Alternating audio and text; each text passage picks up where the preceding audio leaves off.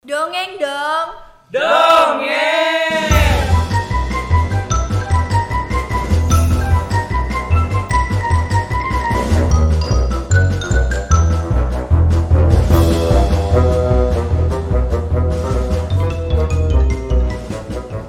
Cerita Rakyat Danau Toba Alkisah, seorang petani yang sangat rajin dan ulet dalam bekerja, tinggal di daerah Sumatera. Ia hidup sebatang kara tanpa keluarga yang menemani. Pekerjaannya sehari-hari adalah menggarap ladang dan mencari ikan untuk membantu memenuhi kehidupannya. Suatu hari, petani tersebut memancing ikan di sungai. Berbekal peralatan pancing, umpan, dan tempat ikan, ia mulai melangkah menuju ke sungai. Sesampainya di sana, ia langsung melempar kail yang telah dipasang umpan. Lalu ia berdoa kepada Tuhan agar ia bisa mendapatkan banyak ikan. Ia sangat senang ketika ikan yang didapatkannya begitu besar.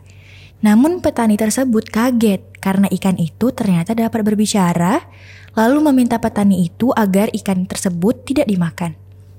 Seketika itu juga petani melepaskan ikan tersebut. Betapa kagetnya petani tersebut saat ikan tadi berubah menjadi seorang wanita yang cantik. Ikan tersebut ternyata adalah seorang putri yang dikutuk menjadi ikan. Dia mengucapkan terima kasih karena telah membebaskannya dari kutukan. Sebagai imbalannya, ikan tersebut mau dijadikan istri sang petani. Salah satu syarat yang harus dipenuhi sang petani adalah tidak boleh menceritakan dan menyebutkan asal-usul putri dari seekor ikan.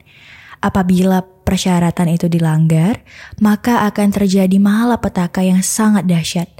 Kemudian petani itu menyetujui persyaratan tersebut. Setelah menikah, mereka dikarunia seorang anak laki-laki. Mereka hidup bahagia bersama anaknya yang tampan.